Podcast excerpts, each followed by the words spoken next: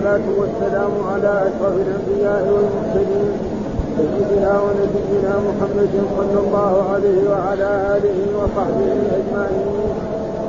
قال الإمام أبو الحسين مسلم بن الحجاج القشيري النسابوري رحمه الله قال حدثنا أبو بكر بن أبي شيبة قال حدثنا أبو الأحوص السلام بن سليم عن أبي إسحاق بن عمرو بن ميمون عن معاذ بن جبل قال كنت لرسول الله صلى الله عليه وسلم على حمار يقال له عبيد قال فقال يا معاذ أتدري ما حق الله على العباد وما حق العباد على الله؟ قال قلت الله ورسوله أعلم.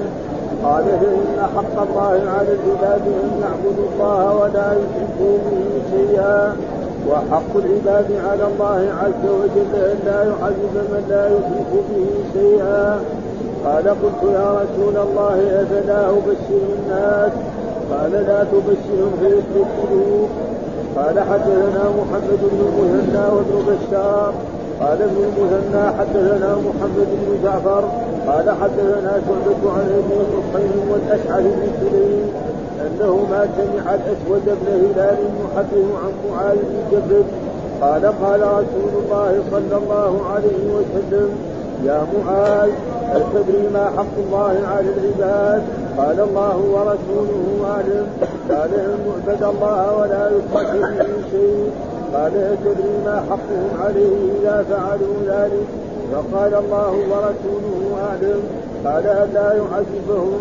قال حدثنا القاسم بن زكريا قال حدثنا حسين عن زائدة عن أبي حصين عن الاسود بن هلال قال سمعت معاذا يقول دعاني رسول الله صلى الله عليه وسلم فأجبت.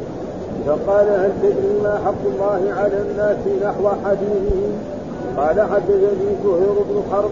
قال حدثنا عمر بن يونس الحنفي. قال حدثنا عزيمة بن عمار. قال حدثني أبو كثير قال حدثني أبو هريرة قال كنا قعودا حول رسول الله صلى الله عليه وسلم.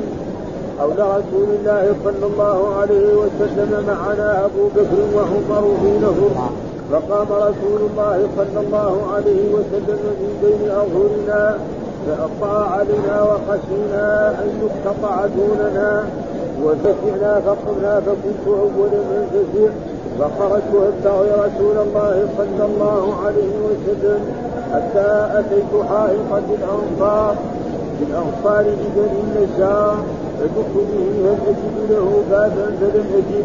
فإذا ربيع يدخل في جوف حائط به خارجة والربيع الجدول فاحتفزت كما في الثعلب فدخلت على رسول الله صلى الله عليه وسلم فقال أبو هريرة فقلت نعم يا رسول الله قال ما شأنك فقلت كنت بين أظهرنا فقمت فأوقعت علينا فخشينا أن تقطع أن تقتطع دوننا.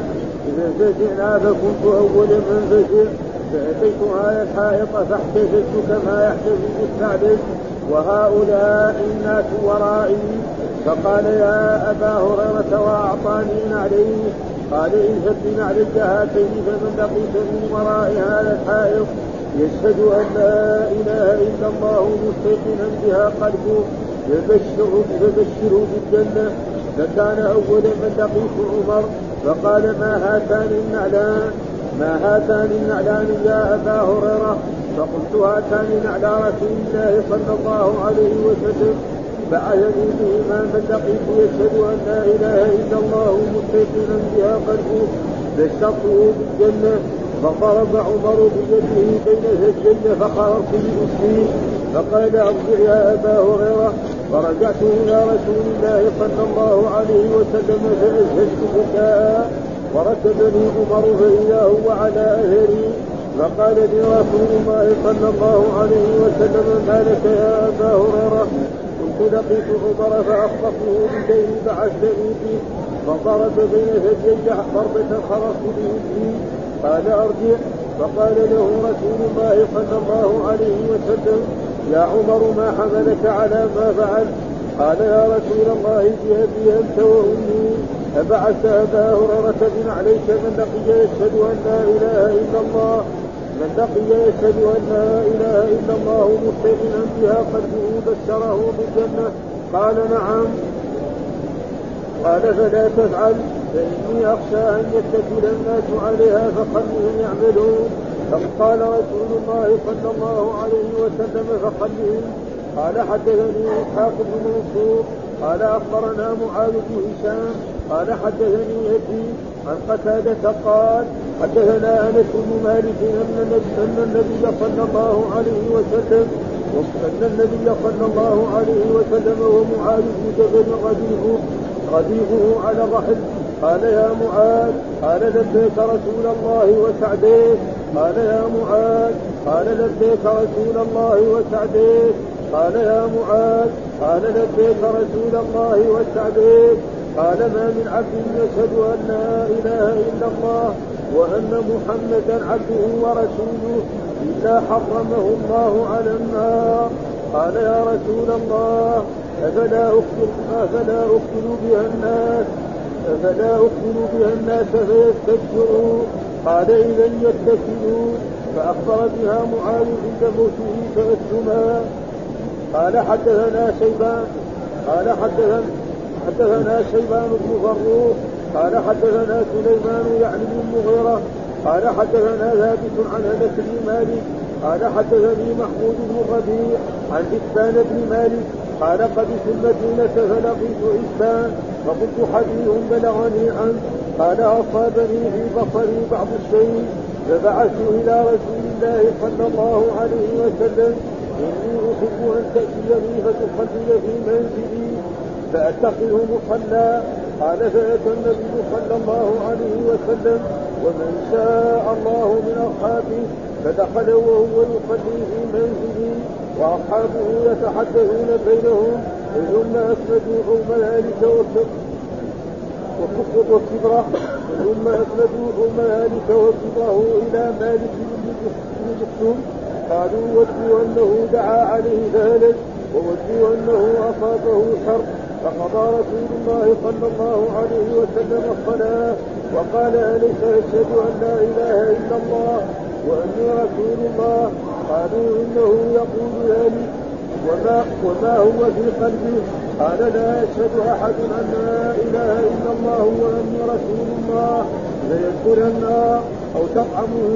فقال أنس فأعجبني هذا الحديث فقلت لابني يكتب فكتب قال حدثنا أبو بكر بن نافع أبو بكر بن نافع العبدي قال حدثنا زهد قال حدثنا حماد قال حدثنا ثابت عن أنس قال حدثني حبان بن مالك أنه عمي فأرسل إلى رسول الله صلى الله عليه وسلم فقال تعالى فخط لي مسجدا. فجاء رسول الله صلى الله عليه وسلم وجاء قومه ونعث ونعث رجل منهم يقال له مالك بن السوء ثم ذكر نحو حديث سليمان بن المغيرة أعوذ بالله من الشيطان الرجيم. بسم الله الرحمن الرحيم. الحمد لله رب العالمين والصلاة والسلام على سيدنا ونبينا محمد وعلى آله وصحبه وسلم أجمعين.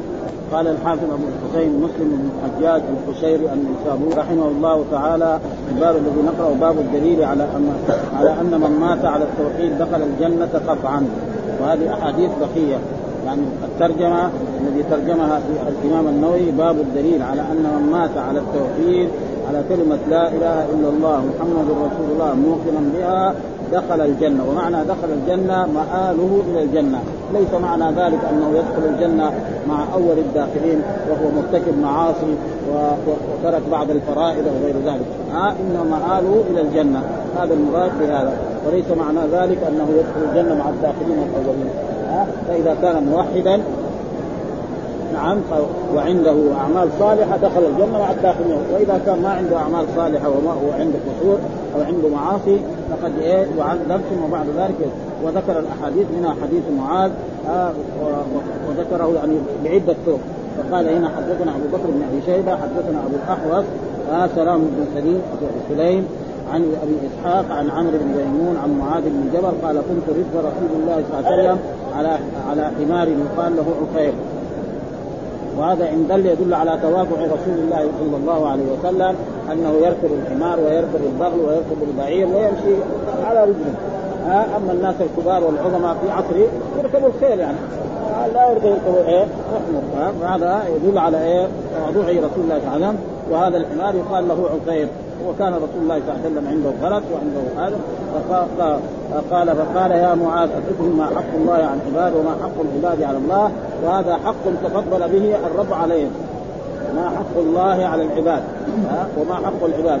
يعني حق الله على العباد هذا العباد يعني لله حق عليهم أن يعبدوه ولا يشركوا به شيء وأن يطيعوه. وأما حق العباد على الله ليس للعباد حق على الله إنما حق تفضل به. ها؟ يعني لازم نفهم إن ما في أحد له حق على ربه إنما حق تفضل به. فلما تفضل به قال فنحن نقول ها لك الحمد ولك الشكر يا ربنا. أما حق يعني للعباد على الله هذا لا يوجد أما حق الله على العباد وهو أن يعبدوه ولا فهذا قال ما حق الله على العباد. ها؟ وما حق العباد. حق الله على العباد أن يعبدوه ولا يشركوا وحق العباد على قال قلت الله ورسوله أعلم. وهذا فيه دليل يجوز. أن الإنسان إذا سئل عن مسألة علمية دينية حديثا أو آية وقال الله ورسوله أعلم ما في من هذا الحديث نفهم ذلك. وأما متى تسافر أو متى يأتي فلان فهذا يقول الله أعلم. هذا الذي يفهم وكثير من الناس يغلط بذلك. كل شيء يقول الله ورسوله أعلم. ها متى تسافر يقول الله ورسوله أعلم. لا ما يصح هذا. ها قال فإن حق الله عباد أن يعبدوه ولا يشركوا به شيئا. أن يعبدوه ومعنى العبادة قلنا هي الذل والخضوع وتعلق القلب مع الحب. هذا معناه في إيه؟ ومن ذلك في في اللغة العربية يقول العرب بعير معبد بمعنى خاضع وذليل. ها وطريق معبد بمعنى خاضع وذليل. ولكن الشرع هو كل اسم جامع. يعني ما أمر الله بعباده فهو عبادة. أو اسم جامع لما كل ما يحبه الله ورسوله. هذا تعريف علميا اسم جامع لكل ما يحبه الله ورسوله. فيدخل التوحيد والصلاة والزكاة وجميع أركان الإيمان والأعمال المنتظرة. صيام يوم الخميس يوم الاثنين. آه سبحان الله الحمد لله لا إله. كل هذا عبادة لله سبحانه وتعالى. فيصير إيه؟ يعني لفظ عام. قال حق الله أن يعبدوه ولا يشركوا به شيء لا يشركوا به شيء يعني شرك لا أكبر ولا أصغر.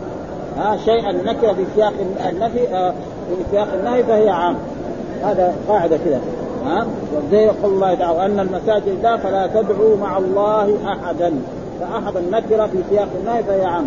لا شرك أكبر ولا ومن الشرك الأكبر عبادة غير الله أو دعاء أو دعاء غير الله أو الاستغاثة بغيره أو التجاه شركا أكبر كالحلف بالنبي أو بالكعب أو بحياة فلان أو أنا متوكل على الله وعلى فلان والرياء. ها؟ يقول يصلي لاجل أن يقول فلان يصلي أو عنده عبادة أو هذا. فهذا من الشرك الأصغر. لا لا شرك أكبر.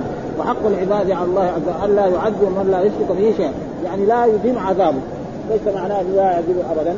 ها فإذا كان عنده معاصي قد يعذب وقد ينال شفاعة من رسول الله صلى الله عليه وسلم أو من غيره وقد يعني ربنا يتكرم عليه. فإن المذنب والعاصي تحت مشيئة الرب ربنا إن شاء عذبه وإن شاء غفر له. فقال قلت أفلا أبشر الناس؟ قال لا تبشرهم. لا تبشرون فيكتفي لأنه واحد يقول خلاص أنا أقول لا إله إلا الله محمد رسول الله وأعمل بذلك وأعبد الله ولا أصلي ولا أزكي ولا أعمل. فيدخلني الله الجنة فقالوا لا تبشر وبعد ذلك متى بس ذكر هذا الحديث؟ فعند موته. خاف أن بعد ذلك يموت وهذا الحديث يضيع. وجاء في من كتم علما ألجمه الله بلجام من نار. ولذلك في آخر حياته. بين هذا الحديث لئلا يضيع. لأنه إذا ضاع بعد ذلك يصير دخل إيه؟ نعم من كتم علما الجمه الله بلجام من النار قال القاضي عياض رحمه بغير معجم متروك آه معجمة آه عياض رحمه انه بغير معجمة يعني عفير يعني عفير يعني هو عفير يعني بالغير وهنا عفير وكله يعني المقصود يعني وقال الشيخ هو الحمار الذي كان صلى الله عليه وسلم إلى أنه مات في حجة الوداع. وهذا الحديث يقتضي ان أن يكون هذا في مرة أخرى غير المره المرة المتقدمة في الحج. لأنه في مرة حديث أنه كان إيه؟ خلف رسول الله ما بين وبين الرسول إلا الرحم. فإذا إيه؟ عدة مرات حدث الرسول إيه؟ أو أن الرحم يعني الرذيذ سماه بهذا. لا تبشرهم و ويعبد يعني يقول يعبد بالبناء المجهول أحسن من إيه؟ بالبناء ثم قال حدثنا محمد بن المثنى وابن بشار قال ابن المثنى حدثنا محمد بن جعفر قال حدثنا شعبة عن أبي حسين عن أبي حسين والأشعث بن سليم أنهما سمع الاسود بن هلال يحدث عن معاذ بن جبل قال قال رسول الله يا معاذ أتدري ما حق الله على العباد؟ قال الله ورسوله أعلم مثل الحديث الأول قال أن يعبد الله ولا يشرك به شيئا مثل الحديث الأول ولا يشرك. قال أتدري ما حقهم عليه إذا فعلوا ذلك قال الله ورسوله أعلم. قال ألا يعذبهم. ها مثل حديث بس الفاظ بس المشايخ الإمام مسلم غير إيش؟ الأولين. هنا محمد بن المثنى وهناك حدثنا أبو بكر بن شيبة. وهذا لا يسمى إيه؟ تكرار في في الحديث لأنه هذه فيها فوائد وفيها صالح إن الحديث هذا مروي بعدة طرق ورواه الإمام مسلم عن جملة من مشايخه. ثم ذكر قال حدثنا القاسم بن زكريا حدثنا حسين عن زائدة عن أبي عن أبي حسين عن الأسود بن هلال قال سمعت معاذا يقول دعاني رسول الله صلى الله عليه وسلم فاجبته يعني قال له يا معاذ. فقال لبيك وسعديك. ثم قال له يا معاذ. فقال له لبيك وسعديك. ثم قال له يا معاذ. قال لبيك وسعديك. عشان إيه؟ يعني فأجبته. يعني إيش فأجبته؟ قلت لبيك وسعديك. فقال هل تدري ما حق الله على الناس؟ هنا على هناك على العباد وهنا على الناس. والمعنى واحد. الناس والعباد الفاظ نحو حديثهم. يعني مثل الأول آه ما حق قال أن يعبدوه ولا يشركوا به شيئا وحق العباد على الله أن لا يعذب من مات لا يشرك بالله شيئا. المعاني واحدة والألفاظ قد يختلف فيه نحو واحد. قال يعني بن زكريا في مسلم. رواه. آه نحو رواية شيوخ مسلم الأربعة المذكورين في الروايات الثلاث المتقدمة. وهذا آه وهم حداد وابو بكر بن ابي شيبه ومحمد بن المثنى وابن بشار والله اعلم. وقوله في رواية القاسم حدثنا القاسم حدثنا حسين عن زائدة هكذا هو في الأصول كلها حسين بالسين وهو الصواب. وهو آه. وفي بعض الأصول حسين بالصاد ها وهو غلط. يعني بعضهم قال حسين وهذا وحسين هو ابن علي الجعل وقد تكررت روايته عن زائدة في الكتاب ولا يعرف حسين بالصاد عن زائده والله أعلم. آه مقصود يعني بالسين؟ آه يعني حدثنا حسين ما هو حسين؟ نحو حديث؟ وقال كذلك كذلك قال حدثنا زهير بن حرب حدثنا عمرو بن يونس الحنفي حدثنا عكرمة بن عمار قال حدثني أبو بكر قال حدثني أبو هريرة قال كنا قعودا حول رسول الله صلى الله عليه وسلم يعني في المسجد أو في غير مكان. يعني كنا كانوا يجلسوا حول رسول الرسول يكون في الوسط جالس وهم جلوسا حوله ليستفيدوا وليتعلم وليسأل إنسان مسائل دينية فيجيبهم رسول الله صلى الله عليه وسلم ويستفيد. حدثني قال كنا قعودا حول رسول الله صلى الله عليه وسلم ومعنا أبو بكر وعمر. من جملة من كان يعني ناس ما سماهم في في نفر والنفر قلنا الجماعة يعني من ثلاثة إلى عشرة. هذا هو النفر يعني في اللغة العربية نفر ليس معناه واحد كما يعني الصلح عند العامة. ها ولذلك أوحي إلي انه استمع نفر من الجن. يعني من ثلاثة إلى عشرة يسمى نفر. ها وإذ صرفنا إليك نفرا من الجن يستمعون القرآن. فنفر معناه جماعة من ثلاثة إلى عشرة. وكذلك البضع فقام رسول الله بين أظهرنا يعني بينما كان الرسول جالسا معنا نعم قام فخرج. وما رأينا إلى أي جهة. فأبطأ علينا. يعني تأخر ما رجع إلى مجلسنا الذي كنا نحن نجلس ننتظره وخشينا أن يقتطع دوننا. ومعنى إيش يقتطع؟ أن يصاب بمكروه يعني شخص يتعدى على الرسول صلى الله عليه وسلم بالضرب أو بالشتم أو بغير ذلك ها من عدو إما بأسر أو بغيره. هذا معناه يقتطع دوننا. أن يصاب من عدو إما بأسره أو بغيره. فلذلك يعني تشوشنا جدا فقمنا. يعني فقمنا من المكان لأنه ما انتظرنا الرسول ولم يأتنا صلى الله عليه وسلم. فكنت أول من فزع فخرجت أبتغي رسول الله صلى الله عليه وسلم. يعني راح من هنا ومن هنا حتى أتيت حائطا للأنصار لبني النجار. حائط معناه بستان. لبني النجار لبني النجار. فدرت به هل أجد بابا فلم أجد فإذا ربيع يدخل في جوف حائط يعني فدرت يعني حول الايه البستان. يعني كذا لأن البستان له سور فدرت فلم أجد له بابا فلم أجد فيه فإذا ربيع هنا كتب ربيع. والظاهر بالعين. ها؟ عندكم في غين ها؟ ربيع ربيع. أيوه لكن غلط يعني ها؟ يعني المعروف الربيع ها؟ والربيع هو الجدول اللي يمشي يدخل إيه؟ الماء اللي يدخل البستان. ها؟ هذا معنى مكان يكون الماء يجي من جهه ويكون هنا له شق يدخل من هنا إلى البستان يسقي هذا هذا هذا ها؟ وقول ربيع. ربيع عندك ربيع بالعين. ها؟ إيه بالعين لكن نحن عندنا غين فهذا يعني اللي عندنا زي حقتي أنا غير ما غلط أنا عندي ربيع. إيه هذا هذا الصواب. ربيع هو الصواب. وهذا إيه إيه لكن هنا غين غلط ها ربيع. ها ها الذي عنده غين انتهيها عين. ولا عنده عين خلاص هذا. إيش معنى الربيع؟ الجدول الذي يدخل وهذا زي إيه؟ مثلا زي النهر. النهر إيش هو؟ النهر مو الماء اللي يجري. الحفرة اللي يمشي فيها الماء. هذا النهر في اللغة العربية. فلذلك يسمى باسم إيه؟ وكذلك هنا الربيع معناه المجرى الذي يدخل منه إيه؟ مثلا هذا البستان ويكون هناك بير فيصب الماء في هذا ويجي يجي يدخل إلى البستان. هذا معنى الربيع. قال فإذا ربيع يعني جدول ها؟ في جوف حائط من بئر خارجة والربيع الجدول. ها؟ ها؟ الربيع الجدول. معنى طريق للماء من بستان أو من جهة مثلا يكون البستان هناك وهناك الماء جاي إما من نهر أو من بئر أو من غير ذلك ويجي يدخل إلى إلى إلى البستان. آه من بئر خارجه والربيع الجدول. قال فاحتفظت كما يحتفظ الثعلب إيش معناه؟ يعني قال تضاممت يعني كيف يبغى يدخل؟ لأنه مثلا لازم يقول نفسه كده. مثلا يبغى يدخل محل طيب ما يساوي كذا إذا ساوي كذا ما يدخل. فهو قال تضمن كذا ودخل من وسط هذا إلى البستان. هذا معناه تضامنت يعني ضم نفسه. كما الثعلب معروف الثعلب مرات يساوي نفسه ميت. ها الثعلب معروف يعني من قدسه ومن عفرتته إذا شاف مثلا ضاق عليه شيء ولا يمسكوه يعمل نفسه كأنه ميت ولا يتحرك. فيجي واحد يشوفه يقول هذا ميت يشوفه يرميه في الشارع. إذا ما في الشارع خلاص هو يقوم. ها؟ فأبو هريرة يعني إيش عمل؟ آه تضامن. معنى تضامن ضم نفسه كذا ودخل. مثلا لو كان عنده ثوب ينزل الثوب المتين هذا. عنده غالطه ولا عنده شراء ولا عباد ينزل هذا فيقدر يدخل في محل إيه؟ طيب هذا معناه يعني تضامنت ليسعني إيش معنى تغسطه؟ يعني تضامنت كما يحتفظ الثعلب والثعلب يفعل أشياء كثيرة يتماوت مرات ها يجعل نفسه ميت ويجعل نفسه إلى غير ذلك لذلك هذا قال فاحتفظت كما يحتفظ يعني تضامنت يعني ضم نفسه إلى نفسه حتى يمكن هذا الجدول يمكن يدخل فدخل فدخلت على رسول الله صلى الله عليه وسلم فقال أبو هريرة يعني الرسول إما سمع صوته أو رآه.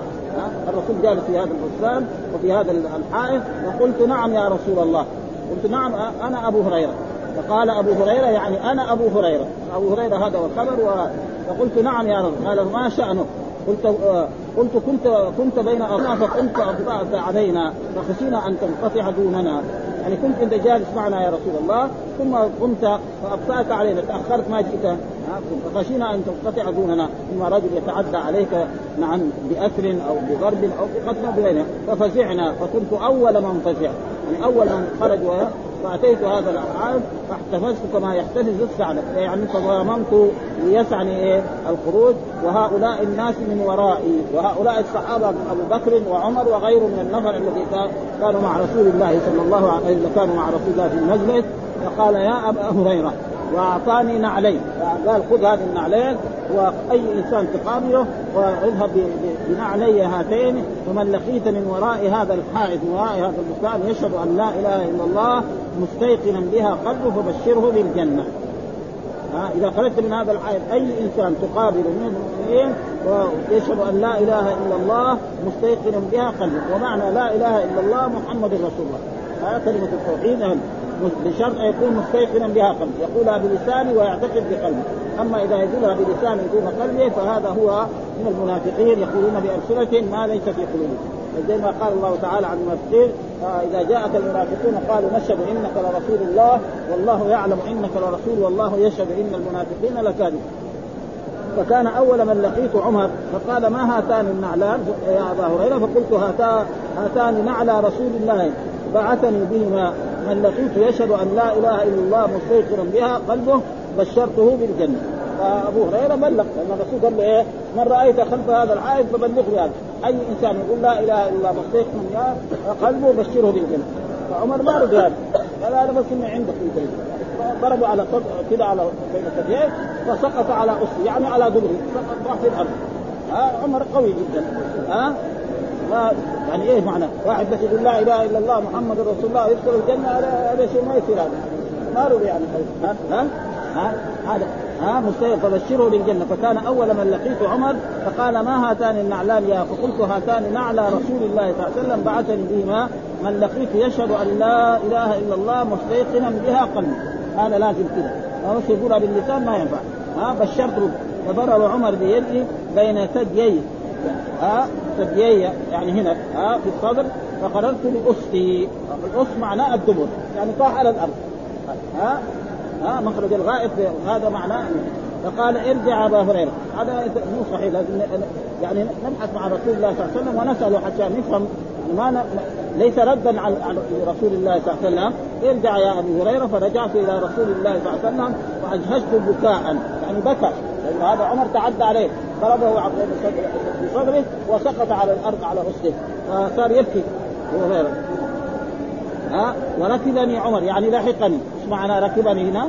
يعني لحقني عمر الخطاب فإذا هو على اثري يعني بعد بعد ما أنا دخلت على رسول الله وجهزت للبكاء وإذا عمر يصل كذلك ويدخل علي فقال لي رسول الله صلى الله عليه وسلم ما لك يا أبا هريرة؟ إيش جرى لك حتى تبكي؟ ها؟ قال قلت قلت لقيت عمر فأخبرته بالذي بعثني فضرب بين ثديي ضربة خرجت خرجت لأسي يعني عمر ضربني ضربة حتى سقطت على الأرض. وصارت اسقي في الأرض. ما قال ارجع. فقال يا عمر ما حملك على ما فعلت؟ ليش تفعل بهذا لابي هريرة؟ ها مع أني أنا أمرت بمنها قال يا رسول الله بأبي أنت وأمي. أبعثت أبا هريرة بن علي؟ ها؟ يعني أفديك بابي ليس أن أبا هريرة كذاب. حاشا ها؟ الصحابة كلهم عدول. وأبو هريرة من جملته ها؟ الصحابة كلهم. إنما يعني رأى انه يمكن ما فهم من رسول الله صلى الله عليه وسلم أو أن لها شروط أخرى غير هذه. وأبو هريرة يعني استعجل وفهم بأبي أنت وأمي. وهذا ليس قسم. إنما أفديك بأبي. وهذا جائز. واحد يقول إيه؟ بداية ربي رسول الله صلى الله عليه وسلم بأبي أنت وأمي. ما ما من لا من يشهد أن لا إله إلا الله مستيقنا بها بشر بشره بالجنة قال نعم. قال فلا تفعل. وهذا عرض. ها؟ لا تفعل يا رسول الله. فإني أخشى أن يتكل الناس عليها. يعني كل واحد يسلم يقول أنا أشهد أن لا إله إلا الله وأن محمد والرسول قال من قالها مستيقظا بها دخل الجنة. وأنا بدي ادخل الجنة. وليش يقعد يصلي ولا يصوم ويمتثل أوامر ويؤدي الزكاه فقل يعني لا يتكل الناس عليها. ها فخلهم ويعملون يعني اتركهم يعملون. وقلنا لا إله إلا الله محمد رسول الله هذا مفتاح الجنة، مفتاح الجنة يبغى له أسنان. ها يبغى له إيه؟ أسنان، أسنانه إيه؟ الصلاة، الزكاة، الصيام، الحج، بر الوالدين، الأعمال الصالحة كلها، هذا أسنان الجنة، أسنان مفتاح الجنة، مفتاح لحاله ما في خطورة. وباب الجنة باب مضمون حتى هنا أبوابنا في الدنيا اذا ما المفتاح ما له أسنان ما يفتح سواء كانت حتى الأبواب القديمة. هذيك الخشب اللي بالمسامير إذا ما في المسامير الثلاثة ولا الأربعة ما يفتح يقعد في الخارج وأما الابواب الأبواب الجديدة هذا تحدث ولا حرج. واحد انكسر صغير من من الثلاثة أو الأربعة ما, ما يفتح الباب. ها فباب الجنه فلذلك يعني عمر عرض على رسول الله صلى الله عليه وسلم أن يعني لا يخبر الناس بذلك لأن الناس بعد ذلك يتكلوا وعن واعلم أن حديث أبو هريرة هذا مشتمل على فوائد كثيرة تقدم في أثناء الكلام منها جمل ففيه جلوس العالم لأصحابه. يعني لا بأس أن العالم يجلس في مجلس ويأتي الناس لأصحابه ولغيره من المستفيدين وغيرهم ويعلمهم ويفيدهم ويفتيهم وفيه ما قدمناه أنه إذا اراد ذكر جماعة كثيرة آه فاقتصر على ذكر بعضهم. ذكر أشرافهم. معنا نفر. ذكر أبو بكر وعمر وترك الباقي. هذا معناه أو بعض اشراف ثم قال وقال غير وبيانه وفيه بيان ما كانت الصحابة رضوان الله تعالى عليهم من القيام بحقوق رسول الله صلى الله عليه وسلم وإكرامه والشفقه عليه والانتهاج البالغ لما يطلقه صلى الله عليه وسلم. وفيه الاهتمام اهتمام الأتباع بحقوق متبوعهم اهتمام الأتباع بحقوق متبوعهم والاعتناء بتحصيل مصالحهم ودفع المفاسد عنه. يعني الكبير يعتبر بايه مصالح المتبوعين ويحسن إليهم ويكرمهم. وفيه جواز دخول الإنسان ملك غيره بغير إذنه. فإن أبا هريرة دخل البستان بغير إذنه بل دخل من الجدر ومع الله أمر يدخل الناس من أبوابه. ما خص الباب وهو فزع من رسول الله فدخل. وهذا يعني تقريبا الأصل لا. الإنسان إذا ما يدخل بيت ولا يدخل مكان حتى يستأذن فهو الآن لا استأذن ولا شيء ودخل من غير طريق الباب. فهذا يعني علم إيه؟ أبو هريرة دخل الحائط واقره النبي صلى الله عليه وسلم على ذلك ولم ينقل أنه أنكر عليه. وهذا غير مختص بدخول الأرض بل يجوز له الانتفاع بأدواته وأكل طعامه والحمل من طعامه إلى بيته. وركوب اذا إنسان دخل مثل هذه الأشياء فله أن يستفيد من هذا. ونحو ذلك من التصرف الذي يعلم أنه لا يشق على صاحب. وهذا هو المذهب الصحيح الذي عليه جماهير السلف. ولذلك لو دخل إنسان جوعان إلى بستان وفيه تمر وفيه طعام له أن يأكل. لكن بشرط ما يحط فيه جيوبه يأكل على قد ما يكفيه ولو ما أذن صاحب قال أبو عمرو بن عبد البر وأجمع على أنه لا يتجاوز الطعام وأشباهه إلى الدراهم والدنانير، يعني ليس لو يفتح صندوق ياخذ فلوس لا. في طعام في المطبخ في الثلاجة تمر يأخذ. يساوي قهوه يساوي شاي مثل هذه الأشياء له إذا دخل في محل مثل هذه الأشياء فلا ها وفي ثبوت الإجماع في حق من يقطع بطيب قلب صاحبه بذلك نظر ولعل هذا يكون في الدراهم الكثيرة التي يشك يعني الدراهم ما يأخذها أو قد يشك في رضاه فإنهم اتفقوا على أنه إذا إذا تشكك لا يجوز التصرف مطلقا فيما تشكك في رضاه. ثم ثم دليل الجواز في الباب الكتاب والسنة وفعل وفعل وقول أعيان الأمة فالكتاب قوله تعالى ليس على الأعمى حرج ولا على الأعرج حرج ولا على المريض حرج ولا على أنفسكم أن تأكلوا من بيوتكم أو بيوت آبائكم أو يعني واحد دخل بيت ابوه له يأكل. ها؟ أو بيوت ابائكم إلى قوله أو صديقه. وسنه هذا الحديث. ها؟ وسنه هذا الحديث. واحاديث كثيرة معروفة. أن الإنسان إذا دخل إلى بستان أو كان يعني يتدلي ثمرة من البستان له أن يأخذ منه ويأكل. في أحاديث مثل وفيه إرسال الإمام. والمتبوع. وفيه إرسال الإمام والمتبوع إلى اتباعه بعلامه يعرفونها فإن الرسول أعطى أبا هريرة إيه؟ نعلين ها هذا معناه. نعلي الرسول يعرفوها. الصحابه رضوان الله تعالى عليهم. ليزدادوا به طمأنينة وأنه لم لم يصب بشيء. وفيه ما قدمناه من من الدلالة في نظر أهل الحق أن الإيمان المنجي من الخلود في النار لا بد فيه من الاعتقاد. يعني هذا بس إيه؟ إذا قال الإنسان لا إله إلا الله محمد مستيقنا بها قلبه لا يخلد في النار. هذا الذي يجب أن يفهمه المسلم. المسلم. ليس معناه أنه يدخل الجنة مع الداخلين الأولين وهو عنده معاصي أو ما عمل أعمال. نعم لا يخلد في النار.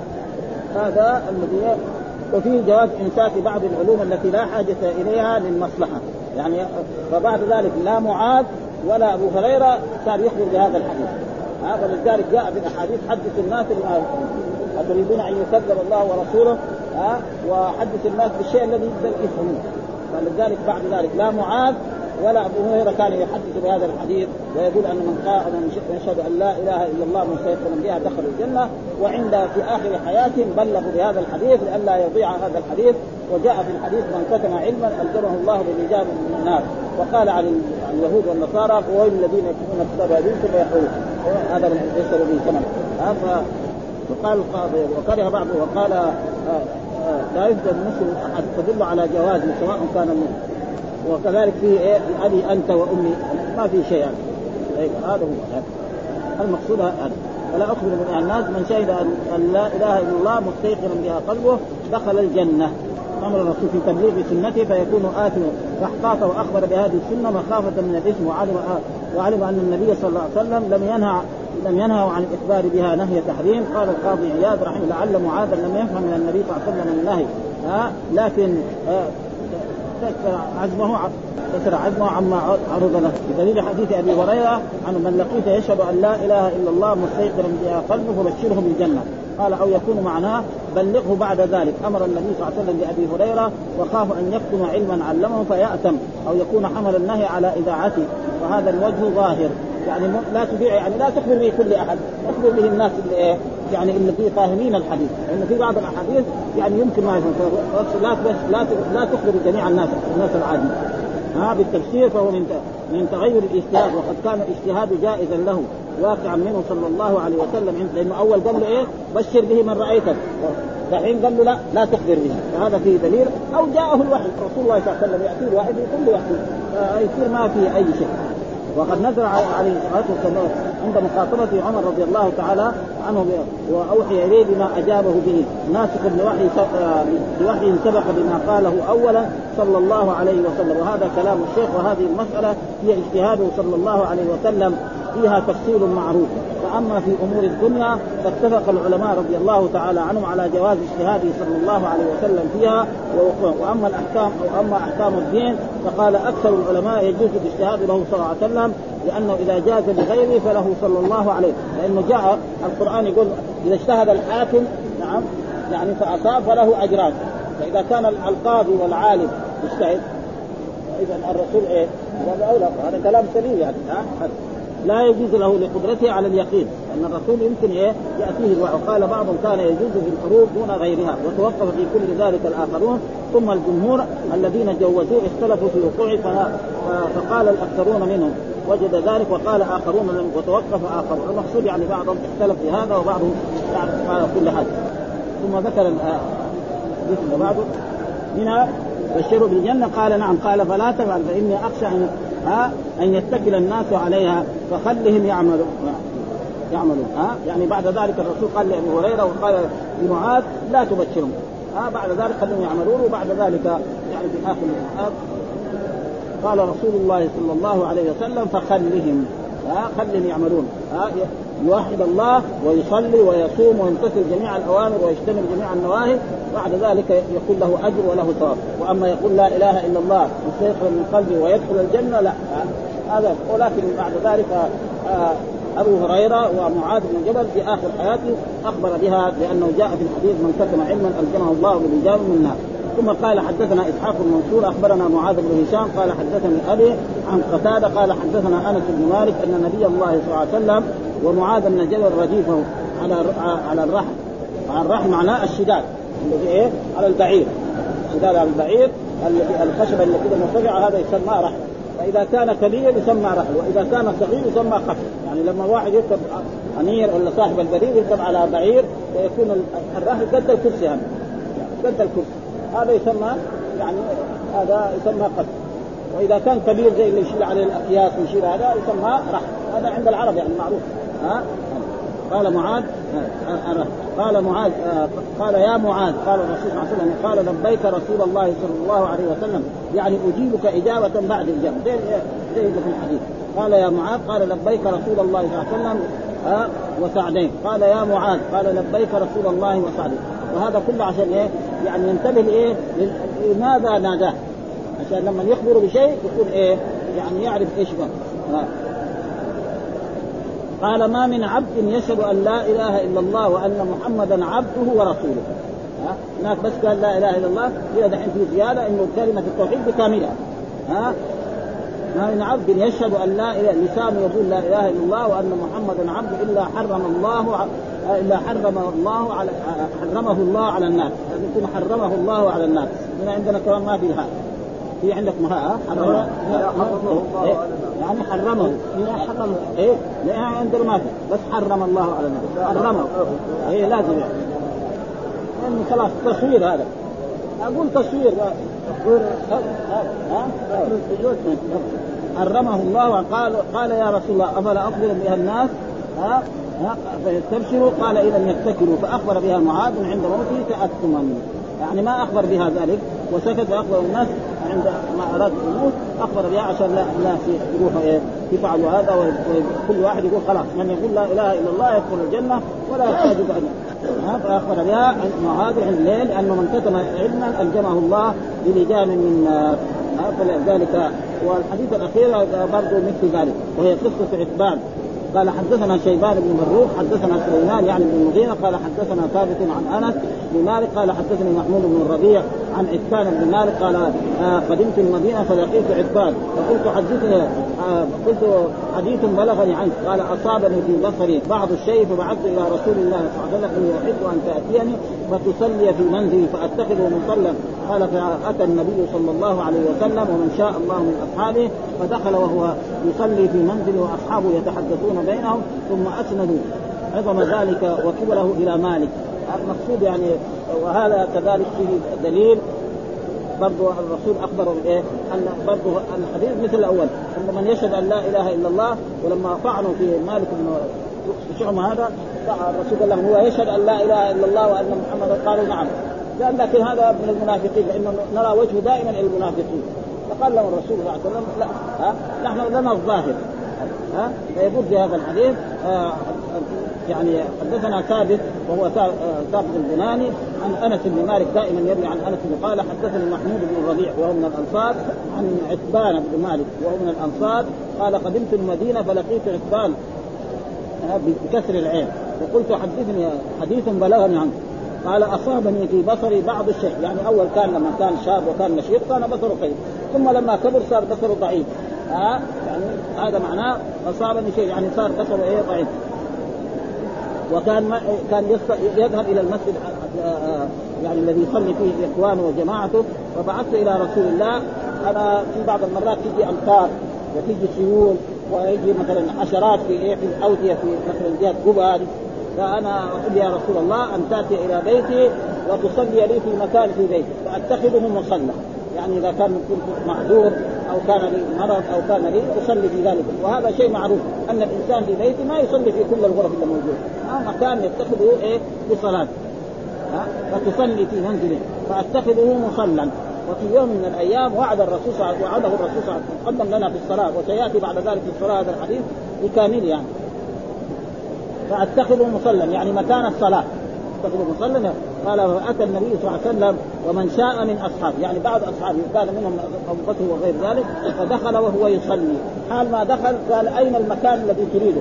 أن أصلي لك حال ما دخل الرسول قبل أن يجلس قال له فين؟ فقال له هذا المكان. فراح الرسول وبدأ يصلي نافلة وفي بعض الناس أقول صفوا خلفه وفي بعض الناس لم يصفوا خلفه وفي منزله وأصحابه يتحدثون بينهم. يعني بعضهم صلى مع الرسول وبعضهم. ثم أسندوا عظم ذلك وكبره إلى مالك ابن دخشم. ها يعني قالوا إن هذه الفتنة وهذا الاتفاق الموجود في هذه المدينة تقريبا أكثر من إيه؟ مالك بن الشمال. ها قالوا وودوا أنه دعا عليه. وأحبوا لو أن الرسول دعا على مالك بالهلاك. ها أن الله يهلكه وأن يموت ها؟ وودوا أنه أصابه شر لأنه يرون وجهه دائما إلى المنافقين ما يرون وجهه إلى إلى المؤمنين وإلى فقضى رسول الله صلى الله عليه وسلم الصلاة وهذا فيه دليل على على أن الإنسان إذا كان يصلي وأشخاص يتكلموا جنبه ما يشوش عليه ما في شيء ها؟ يعني فإذا كان فيه تشويش ما يضر لأن الصحابة كانوا يتكلمون والرسول يصلي. وهذا فيه دليل على أنه إذا إنسان يصلي واحد يقرا أما إذا في رفع الصوت وتشويش فلا فلا يفعل. وهو يصلي وأصحابه يتحدثون بينهم ثم اسندوا عظم ذلك وكبره إلى مالك بن وقالوا ودت أنه دعا عليه لأن الرسول دعا عليه فهلك وود أنه اصابه فقضى رسول الله صلى الله عليه وسلم الصلاة وقال أليس يشهد؟ وهذا محل الشاهد. يعني مطابقه الحديث للترجمه آه قال أليس هذا مالك بن دخشم يشهد أن لا إله إلا الله وأني رسول الله. قالوا إنه يقول ذلك. يعني هم على كل حال يعتبرون أنهم من المنافقين. فالمنافقون لا إله إلا الله محمد رسول الله. ويصلي.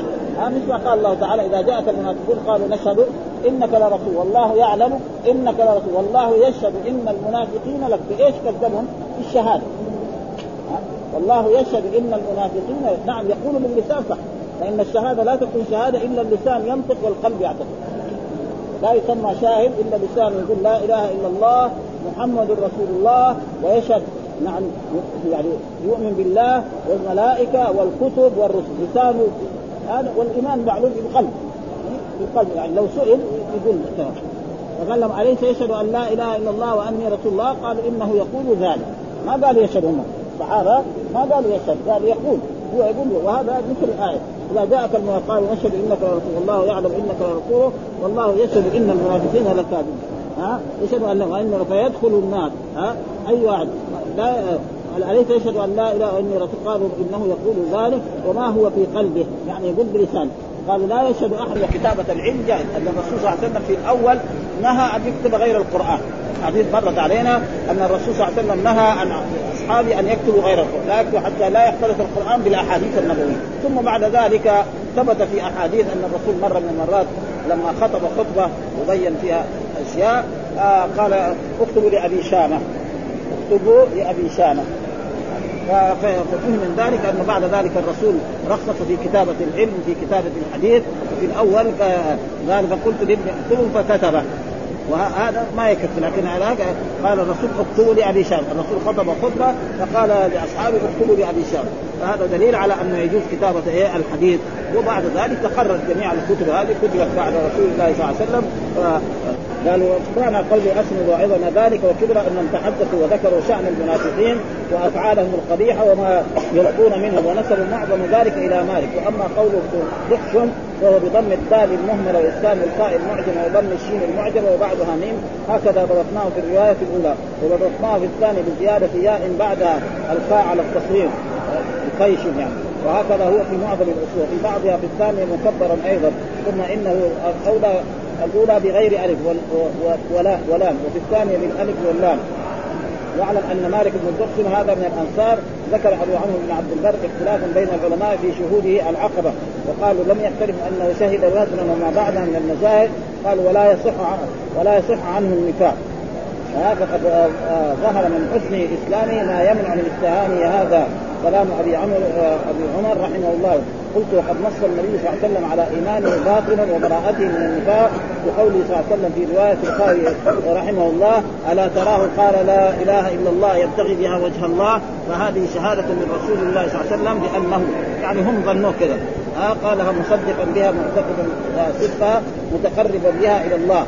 وشهد له في شهادته لأهل بدر ما هو معروف فلا ينبغي أن يشك في صدق إيمانه رضي الله تعالى عنه. وفي هذه الزيادة رد على غلاة المرجع القائلين بانه يكفي بالايمان النطق من غير اعتقاد فانهم تعلقوا بمثل هذا الحديث. لأنه خلاص يقول لا إله إلا الله خلاص. ها؟ وهذه زيادة مغم والله أعلم. وودوا أنه دعا عليه فهلك وودوا أنه أصابه شر. هكذا في بعض الأصول شر وفي بعضها بشر لزيادة الباء الباء الجارة وفي بعضها شيء وكله صحيح وفي هذا دليل على جواز تمني هلاك أهل النفاق والشقاق ووقوع المكروه بهم.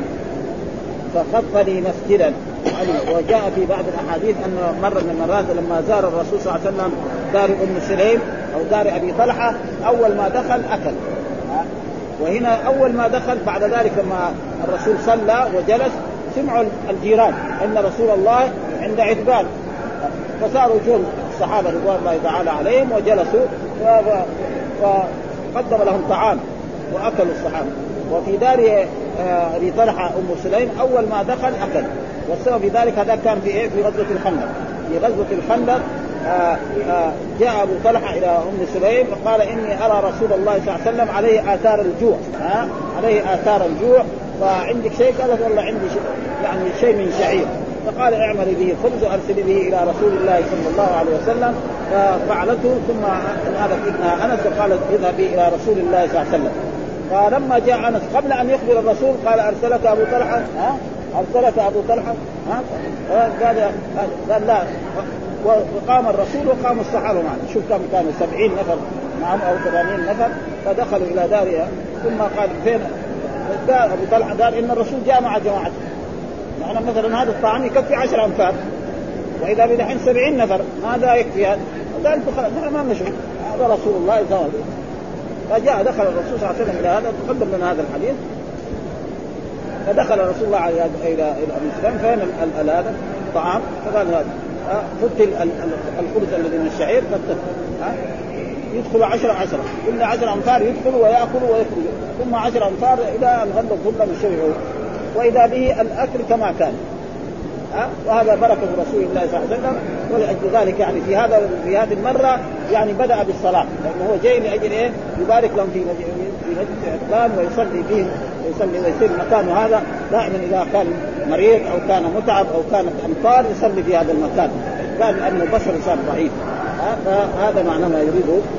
فكتب وهذا دليل على أنه لا, لا بأس بأن يكتب الحديث. حدثنا ابو بكر بن نافع العبدي حدثنا باز حدثنا حماد حدثنا ثابت قال حدثني عتبان بن مالك أنه عمي ها يعني ما صار عمل فأرسل إلى رسول الله فقال تعالى فخط لي مسجدا. يعني صلي فجاء رسول الله صلى الله عليه وسلم وجاء قومه ونعت رجل منهم. يقال له مالك بن الدقسم ثم ذكر حديث سليمان بن المغيرة. واي عالم لي على أي موضع أتخذه مسجدا موضعا اجعل أجعل صلاتي فيه متبركا باثاره والله أعلم. وشوية النووي دائما يقول إيه ذكر هنا وفي هذا الحديث أنواع من العلم تقدم كثير منها ففيها التبرك بآثار الصالحين. يعني كثير هو النووي يقول هذا نحن الذي ظهر لنا يعني التبرك بآثار رسول الله هذا ثابت. لكن التبرك بآثار الصالحين ما يعني ما أعرف حديث في هذا الموضوع. ها؟ يعني مثلا الصحابة ما كانوا يتبركوا بآثار ابي بكر بآثار عمر بآثار عثمان بآثار علي ما ورد هذا. نعم التبرك بآثار رسول الله الرسول كان إذا تنخم مقامه أخذوها الصحابة ودلكوا بها أيديهم. ها؟ إذا كذلك إذا بصق يأخذوها إذا توضأ يأخذ من وضوئه. هذا ثابت. فهو دحين يقول تبرك يعني أخذ إيه؟ قياس. إذا كان يتبرك بآثار رسول الله صلى الله عليه وسلم كذلك يتبرك بإيه؟ بآثار غيره. فهذا تقريبا يعني فيه شيء يعني قد ما فيه التبرك بآثار الصالحين وفيه زيارة العلماء والفضلاء والكبراء أتباعهم وتبركهم اياه وفيه جواز استدعاء المفضول للفاضل. ها؟ الصغير يدعي الكبير يروح بيته ويزور هذا يدل على إيه؟ على التواضع. الرسول كان يزور أصحابه. قال سعد بن أبي وقاص لما كان مريضا في حجة الوداع. لمصلحة وفيه جواز الجماعة في صلاة الناس لأن بعضهم صلوا مع الرسول ومنهم هو أتبان وفي بعضهم بعده إيه؟ يتكلم. وفيه أن السنة في نوافل النهار ركعتان كالليل. ها؟ جاء في حديث صلاة الليل والنهار مثنى مثنى. في حديث في هذا النص. وفي حديث صلاة الليل مثنى. في البخاري صلاة الليل مثنى مثنى. أما في يقول في ابن ماجه في صلاة الليل والنهار مثنى. ويمكن في السنة يعني. أنا كنت عارف إنه يعني. ركعتان وفيه جواز التحدث بحضرة المصلين ما لم يشغلوا ويدخل عليهم آه لبسا في صلاة أو أو نحو. وفيه جواز إمامة الزائر المزور برضاه يعني لأنه قال لا يؤمن الرجل الرجل في سلطان. ودحين مين صار إمام؟ الرسول صلى الله عليه وسلم. قواعد علمية إنه لا يجوز واحد يجي بيت محمد يكون هو يصير إمام. إلا إذا أذن له. هو طلب من الرسول يحضر وصار الرسول هو الإمام. ولو كان في غير هذا كان لازم يصير مين الإمام؟ عتبان صاحب البيت. نزول برضاه وفيه وفيه آه، آه، ذكر من اتهم بريبه أو نحوها للأئمة. يعني يقول هذا قالوا إنه وغير ليتحرز وفيه جواز كتابه الحديث وغير من العلوم الشرعية لقول أنس لابنه اكتب بل هي مستحبة. وجاء في الحديث النهي عن كتب عن كتب الحديث وجاء الابن وقيل كان النهي خيف اتكاله على الكتاب وتفريطه في الحفظ مع تمكنه منه. ها والاذن من لا يتمكن من الحفظ وقيل كان النهي اولا لما خيف اختلاط القران بالقرآن والاذن بعده لما أمن من ذلك. وكان بين السلف من الصحابة والتابعين خلاف الجواز في جواز كتابه الحديث ثم أجمعت الأمة على جوازها واستحبابها والله أعلم. وفيه البداءة بالأهم فالأهم فإنه صلى الله عليه وسلم في حديث عثمان هذا بدأ أولا إيه؟ أول قدومه بالصلاة ثم أكل وفي حديث زيارته لأم سليم بدأ بالأكل ثم صلى لأن أم سليم دعته وطلحه دعا لأجل إيه؟ يعني يأكل عنده فبدأ بإيه؟ بالطعام ثم بعد ذلك صلى وكذلك مر علينا في حديث إنه آه، أم سليم أن الرسول مره من المرات زار أم سليم وزار أبي طلحة وذكر فيها فوائد قريب 100 فائدة. حديث أنس كله. منها ان أن الرسول لما دخل صافح أبي طلحة. ها؟ و ونام على فراش أم سليم. يقول كده بهذا اللفظ. ها؟ ومازح أبو عمير.